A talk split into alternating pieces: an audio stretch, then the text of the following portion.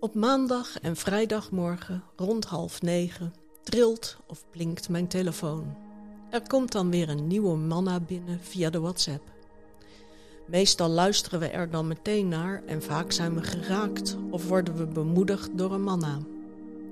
Dat was een tijdje geleden ook zo met een manna van Jaap. Spring maar. Hij vertelde hoe zijn dochter Louise niet durfde te springen in het water van het zwembad. Hij vergeleek dit met de opdracht die Mozes kreeg op de berg Horab en hoe Mozes in het diepe sprong. En Jaap vroeg: Wanneer ben jij in het diepe gesprongen? Ik kon met deze manna iemand die als een berg opzag tegen een nieuwe taak bemoedigen. Maar de vraag hield me die hele dag bezig. Wanneer sprong ik in het diepe? En heb ik God daarbij ervaren? Niet in een van de zwembad, zwembadkant durven springen, zoals Louise, ik herkende het. Ook ik durfde als meisje van een jaar of vijf, zes niet te springen. Die kant was zo hoog en de bodem zo ver weg. En ik had ook een vader zoals Jaap die me aanmoedigde dit te doen door eindeloos met me te oefenen. En het is goed gekomen. Maar wanneer sprong ik nog meer? Oh ja, er zijn best dingen geweest waar ik als een berg tegenop zag, maar ook dingen waarvan ik geen, idee had dat ik dat kon. Nieuwe taken in mijn werk, maar ook buiten mijn werk. Ook dat was springen in het diepe. Zo ook onlangs. Ergens in oktober vorig jaar kreeg ik een mailtje van Dennis. Hij vroeg me of ik mannamaker wilde zijn. Ik was verrast door die vraag. Wat leuk. Maar ook meteen vroeg ik me af: kan ik dat wel? Ik las het mailtje terwijl we op het vliegtuig dat ons naar Spanje zou brengen wachten.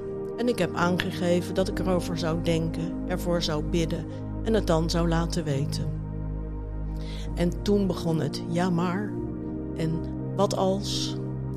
Ja maar, kan ik dat wel? Ja, als je het niet doet, zul je het nooit weten. Ja maar, wat als ik geen onderwerp kan bedenken? Dan komt er geen manna. God gaf me duidelijk aan dat ik het gewoon moest doen en ik kreeg daar rust over. Dus ik heb laten weten, ik doe het en ben in het diepe gesprongen.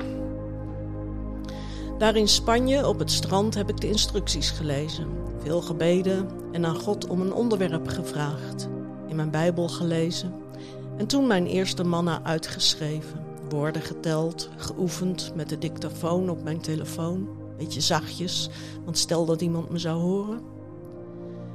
En nu ben ik vele manna's verder. Er worden er telkens twee opgenomen en als ik dan daarna naar huis ga, vraag ik God: Heer, geef me maar weer een nieuw onderwerp, om dat dan daarna ook los te kunnen laten.